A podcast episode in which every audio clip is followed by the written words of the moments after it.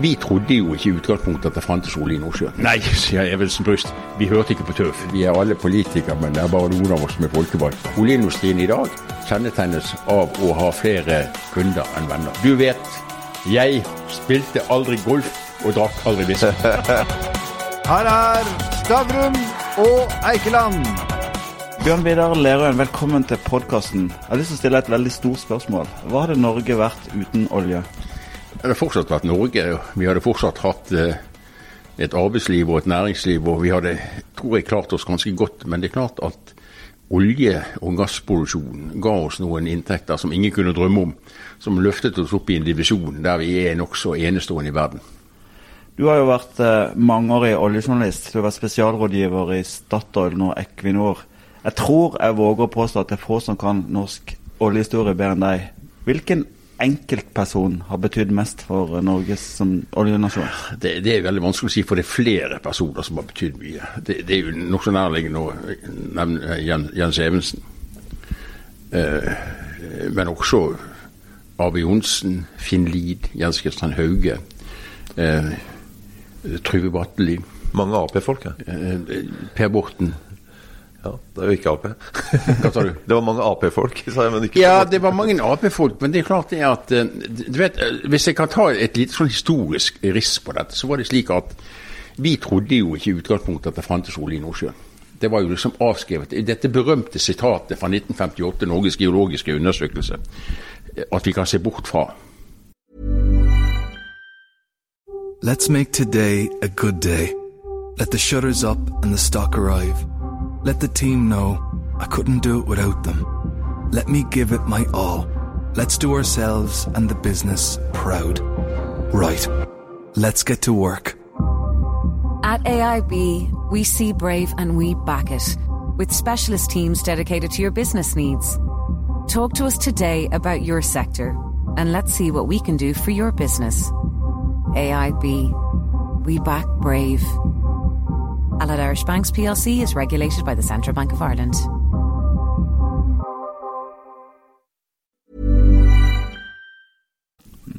Og så kommer dette helt avgjørende for Nederland, for Europa, for verden, gassfunnet i Groningen i 1959.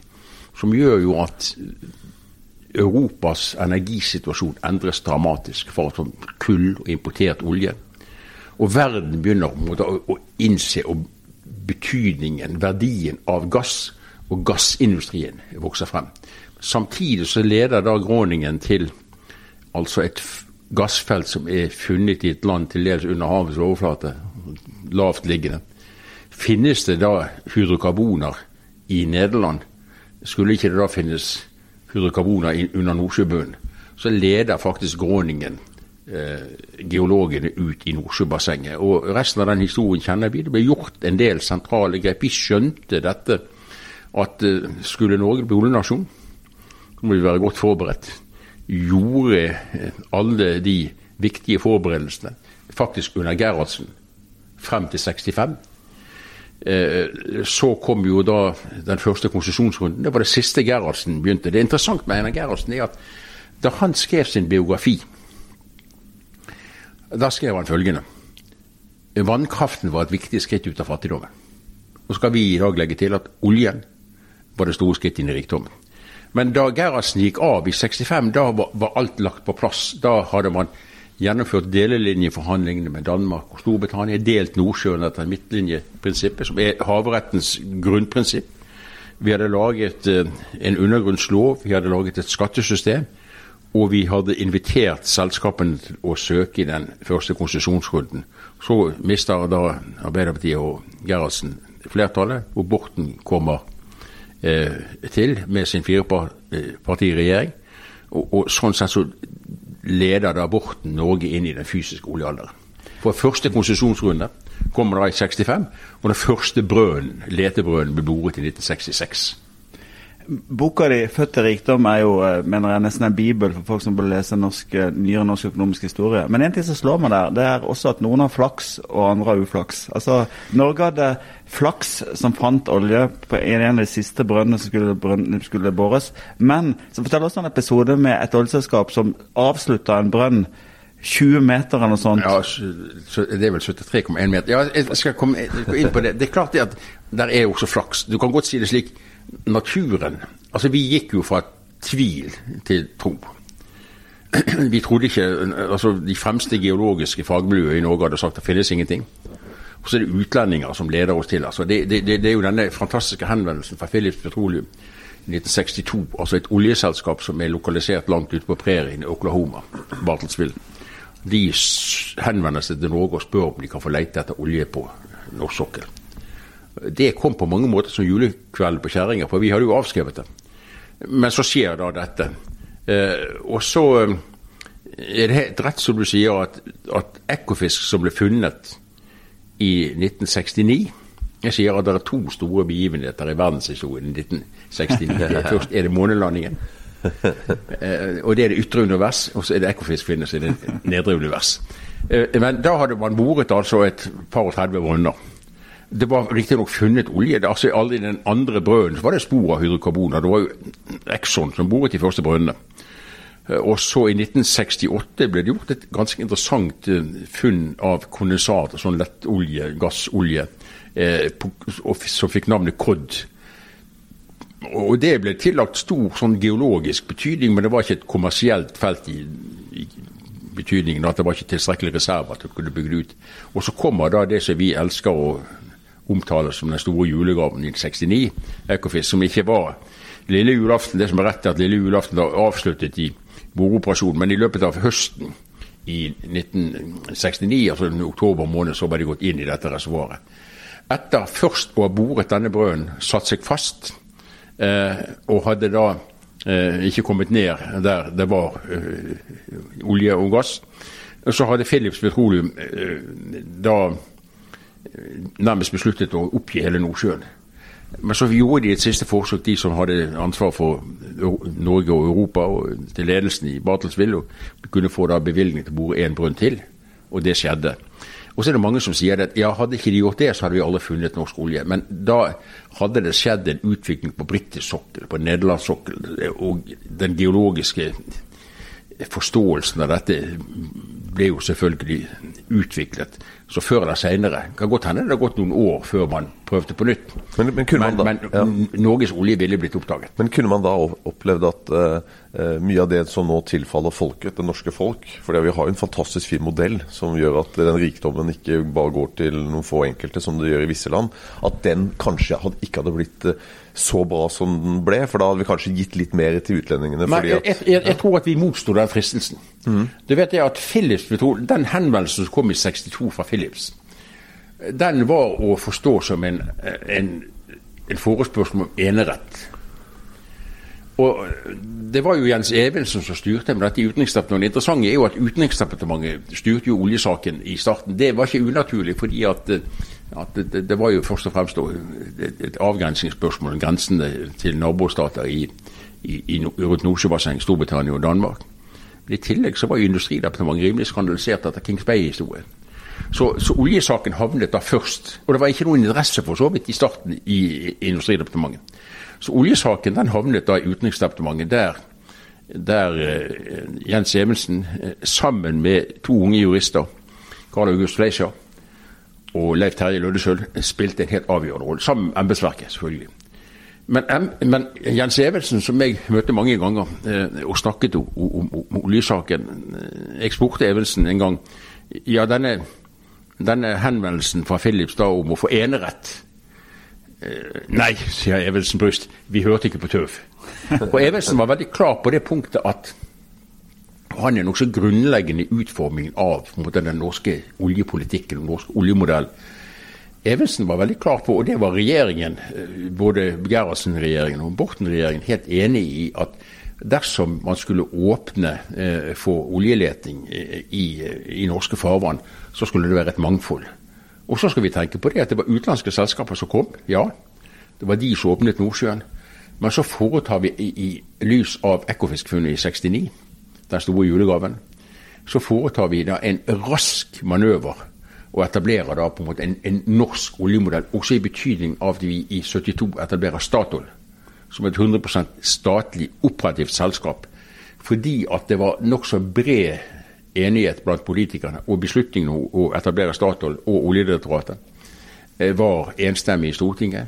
Det var bred enighet blant politikerne at vi måtte sørge for å få en god nasjonal deltakelse i denne sektoren. Og Hvis vi ser på oljenasjonen i dag, og ser den utvikling som har skjedd av næringsliv tilknyttet olje og gass, og teknologiutvikling, så vil jo jeg si at jeg har fulgt med dette faktisk i 50 år, at det er svært vellykket. Men du, du nevnte stikkordet 74,1 meter.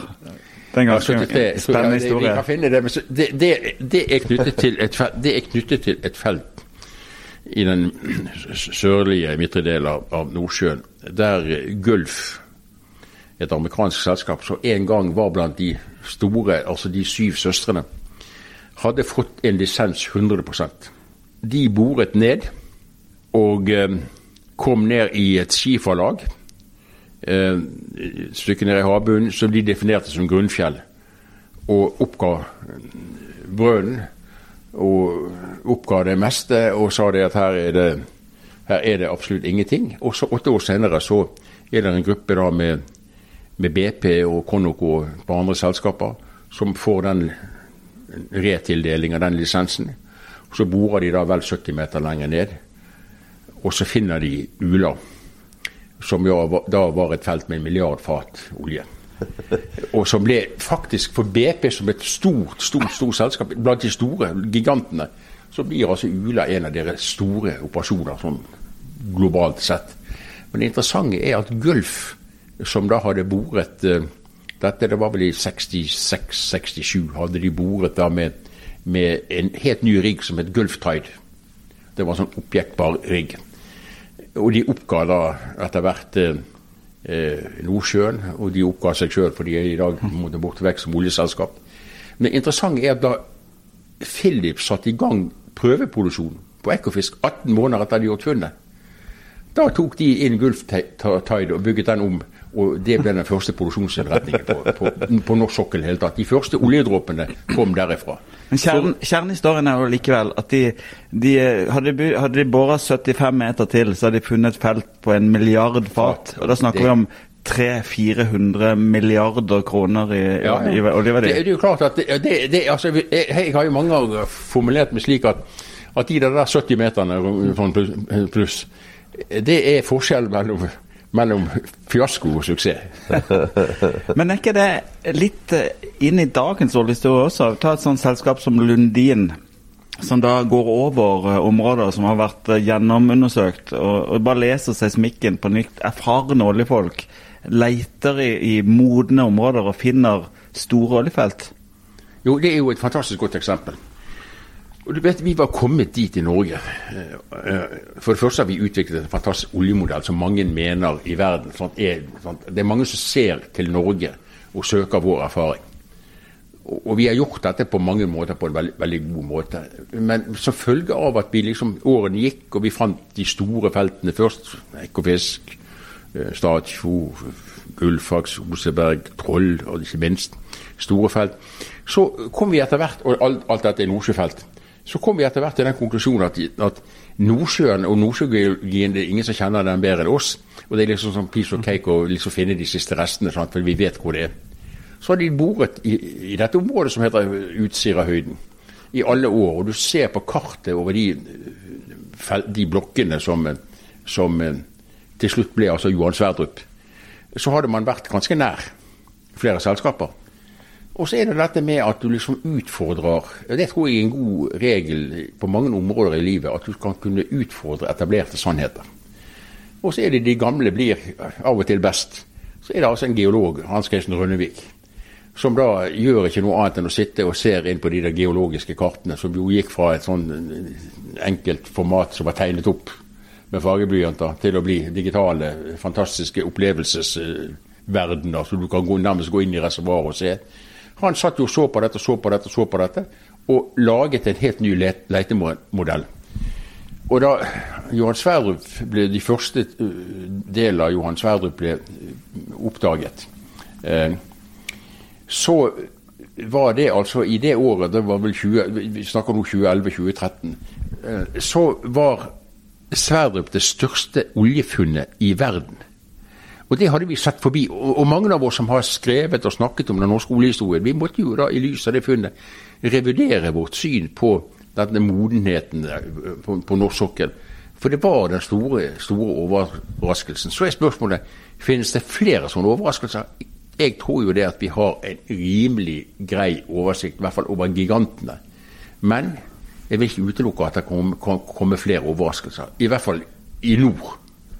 Men det vil jo da si at uh, vi vil ha olje i mange tiår frem med samme produksjon. Men, men, tror du at vi kommer til å utvinne alt sammen? Med tanke på det som skjer nå politisk? Ja, nei, du vet, altså, du ser på, Det er jo skjedd noe i verden eh, med en skepsis, et økende skepsis til eh, fossil energi. Parisavtalen forplikter oss alle. Det er jo ingen tvil. altså jeg jeg tror jeg kjenner oljeselskapene rimelig godt. Jeg kjenner i hvert fall ingen som i dag motsetter seg at vi må gå i denne retningen. Og Hvis du ser på dagens Equinor og, og, og den nye konsernsjefen Anders Opedal, så jo en, vil jo han ta enda lengre og nye skritt inn i fornybarhetssamfunnet.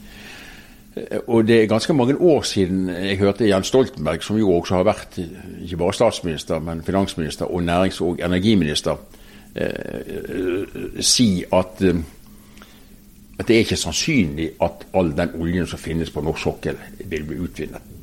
Det, det hører jeg Jonas Gahr Støre si. Eh, og det, det synet har jo også bredd seg inn i de andre partiene. Eh, selv i Høyre, som jo kanskje har vært sett på det mest næringsvennlige partiet. Eh, og Hvis du ser på ungdomsorganisasjonene til, til, til alle partiene, så er skepsisen økende. Og jeg eh, tror fortsatt at vi ganske lenge vil være avhengige av olje og gass i den totale energimiksen.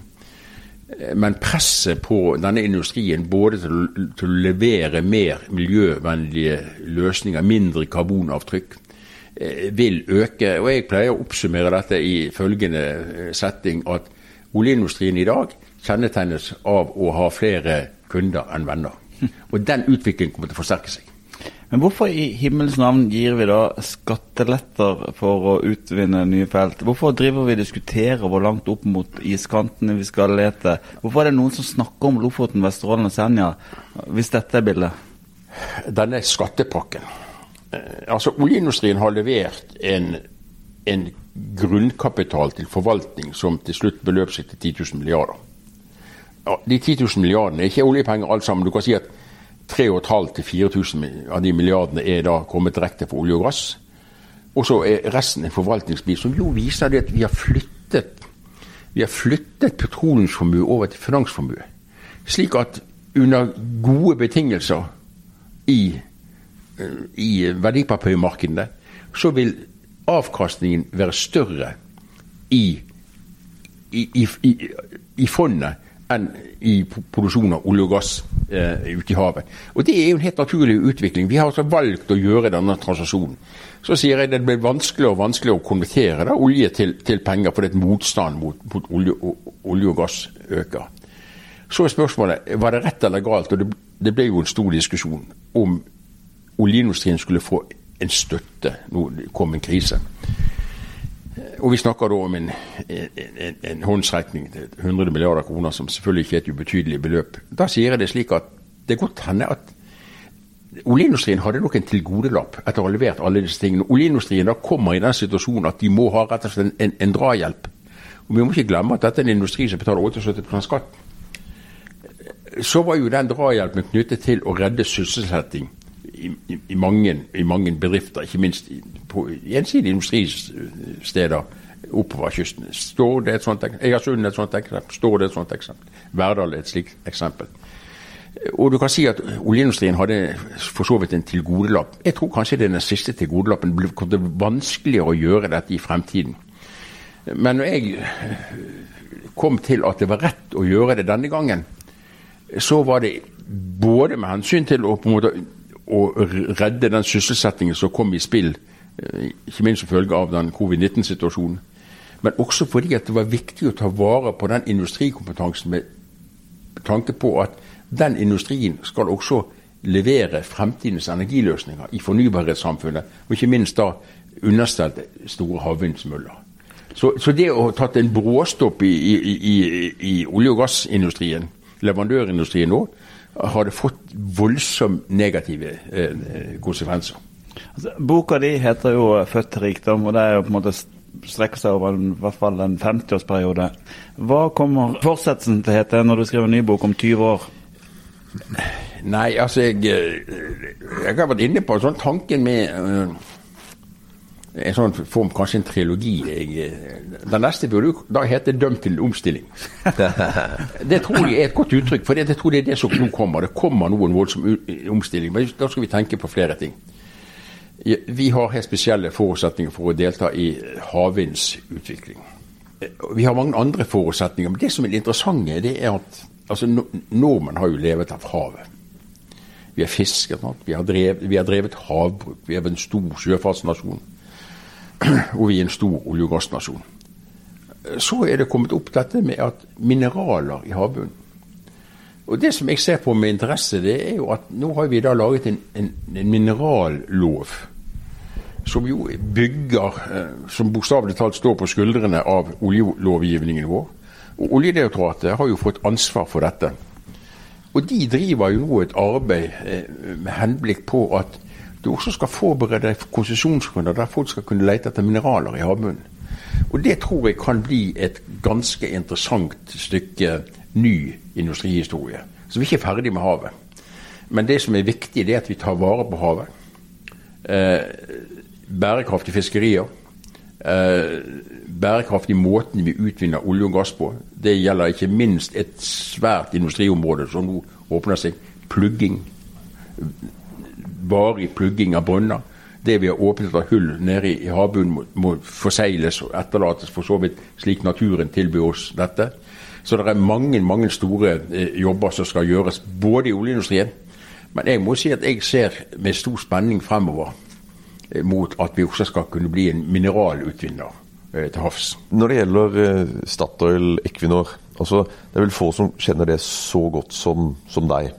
Eh, du har både vært journalist i eh, BT, eh, Bergens Tidende, Aftenposten, dekka industrien fra den siden. Du har vært strategisk rådgiver, personlig strategisk rådgiver for veldig mange konsernsjefer. Hvilken av konsernsjefene er den du mener har hatt mest betydning på Equinor? Det, det er veldig vanskelig å arrangere. for det du må liksom se hver konsernsjef i deres tid. Det er ingen tvil om at Arve Johnsen som den første ansatte i, i, i Statoil spilte en betydelig rolle i, i synet på dette selskapet. Han, han, var, han, levde seg så inn i det selskapet at han, han, han sier ofte at ja, han har da tre døtre med sin kone, og så sier han at og Statoil ble mitt fjerde barn. Så han var jo, han var jo på, måte, på, mange måter det, det, det, er jo mannen som etablerer selskapet. Og så skjer det som skjedde da milliardoverskridelsen på Mongstad kom, og, og, og, og Arve Johnsen måtte gå av, og Harald Norvik blir konsernsjef. Men jeg hadde bare lyst til å bore litt i Arve Johnsen, for han kjenner du jo veldig godt. Og Du var jo konsulent for denne TV-serien Lykkeland. Ja. Og der gjør du den frekkheten at eh, TV-serien plasserer han på, med sjøstøvler på golfbanen ja. mens han drikker en whisky. Det var han ikke glad for. Jeg skal, jeg skal, hvert øyeblikk komme til men, men, men bare si det at så kommer altså Harald Novik, som, som blir Hvem er størst av konsernsjefene? Men Harald Novik er jo da reformatoren som jo faktisk utfordrer hele den nesten fastlåste tenkningen vi har i Norge, og, og, og foreslår at selskapet skal gå på børs. Vi kan kanskje komme tilbake til dette. Men Lykkeland, ja. Det er rett. Jeg ble spurt av NRK om å være konsulent på disse manusforfatterne. og Jeg står til og med på rulleteksten. Og så er det vel i andre episoden så er det da slik at Arve Johnsen var da i Stavanger her, og snakket med Arne Rettedal. Og de spiller da golf i sånne høye vannstøvler. Sant? Og jeg borte på det der gamle SO Motorhotell, som var jo et, et, et, et ryktebørsen på, for oljenasjonens start. Og når du ser da Arve med et whiskyglass i hånden Med det samme den episoden var slutt, så ringte telefonen. Det er Arve. Du vet jeg spilte aldri golf og drakk aldri whisky. Så det, da, da, var den gamle Da var den gamle kjempe altså da var han veldig, Nå er han 86 år, klar og tydelig i toppen, men han og er fortsatt levende opptatt av dette. Men han ville ha seg frabedt golfkøller og whiskyglass. Men, men eh, i Lykkeland så fikk vel han Rettedal, som var ordfører i, i Stavanger i, i den tiden, han fikk eh, veldig mye kred for, eh, for Det er, eh, ingen, det, er ingen tvil om at Arne, Arne Rettedal gjorde en veldig veldig stor innsats Ja. for å få lokalisert oljehovedstaden hit. Og Det betydde i første rekke da hovedkontoret for Statoil og, og for Oljedirektoratet. Men vi må ikke glemme at det var flere med der. Det var altså det, det var da Kjøl Vegeland, som var rektor på Distriktshøgskolen, far til Jan Egeland. Og Kjøl Egeland, som ble personaldirektør i Statoil. Det var Andreas Cappelen. Det var Leif Larsen, som tross alt var ordfører i Stavanger, fra Arbeiderpartiet. Eh, og det var, eh, det var eh, Konrad B. Knutsen, som var rådmann. Eh, disse folkene spilte en helt avgjørende rolle. De laget et kamp, Kampen om, om Statoil og Oljedirektoratet sto mellom Trondheim, Bergen og Stavanger. Stavanger vant avstemning i Stortinget. Eh, og de hadde laget et kampskrift som het 'Stavanger i stedet'. Og, og, eh, om Rettedal kan man si det at han han så mulighetene, grep mulighetene, var en særegen og stri og sta person på mange måter. Og sa bl.a. det at vi er, vi er alle politikere, men det er bare noen av oss som er folkevalgte. Men eh, spørsmålet han var entreprenør, og han var politiker, og var viljesterk. Og da de eh, hadde behov for de første boreselskapene som kom, Odeko kom her og hadde behov for et par 43 boliger, og det var vinter, og tekniske etater hadde fortalt at det var umulig å drive et gravearbeid på vinter med tele i bakken, så sa Arne Rettedal har dere ikke hørt om flammekastere. Så tinte de opp bakken, så bygget de. Og det, det, Denne byen som jo var i en dyp krise, Stavanger var i en dyp krise eh, ved, ved, ved, på, på 60-tallet. Hele hermetikkindustrien hadde feilet. Og det var, hvis du ser på Trondheim og Bergen, så var det ingen by som hadde større behov for noe nytt enn Stavanger. Og så kan du liksom gjøre en oppsummering etter sånn pluss-minus 50 år. Så gikk altså da Stavanger for å ha 60 000 innbyggere til mer enn det doble. Og så på det meste så talte det da opp at det var 192 forskjellige nasjoner eh, som var representert i denne byen. De fant ennå to fra Nord-Korea. Men, eh, men og, og mer enn 20% av byens befolkning eh, som da var ikke-etniske nordmenn. Og, og, sånne ting som Madla handelslag, der jeg handla mine dagligvarer, gikk jo lenge under betegnelsen World Trade Center. Og der møttes jo nasjonene. Så ble, Stavanger er fortsatt en liten by, men likevel en stor internasjonal by. Men Stavanger meldte seg på veldig godt. Bergen meldte seg på. Men i Trondheim, der var de helt uinteresserte. Ja, det, det, jeg har hørt embetsfolk i industri, gamle industridepartementet si at de kom til Trondheim. Det var jo sånn delegasjon som reiste rundt. Da sa de at i, i Trondheim der ble de uhøflig avvist. I Bergen ble de for så vidt høflig avvist. Og i Stavanger ble de ønsket velkommen. Bergen hadde jo, Det er jo en morsom historie ved Bergen. for de, Det var jo spørsmål om å skaffe boliger til, til de som skulle jobbe i oljen. Og i Bergen der hadde de da sett for seg at de hadde sånn Røde Kors hadde sånn søsterhjem som lå like i nærheten av Johanneskirken. Og der hadde de fått tak da i, styrelederen i, i, Bergen Røde Kors, og skulle da vise de da disse boligfasilitetene. Og han hadde jo da en sånn universalnøkkel som låste seg inn overalt. Og så skulle han vise frem en sånn liten leilighet. Og det som da var bomskuddet, det var jo det at der bodde det en sykepleier som hadde kommet fra natt, nattevakt. Og da de kom inn, så kom hun naken ut av dusjen, så det ble jo da en forferdelse. Men det, det forble søsterhjem og ble aldri oljebolig.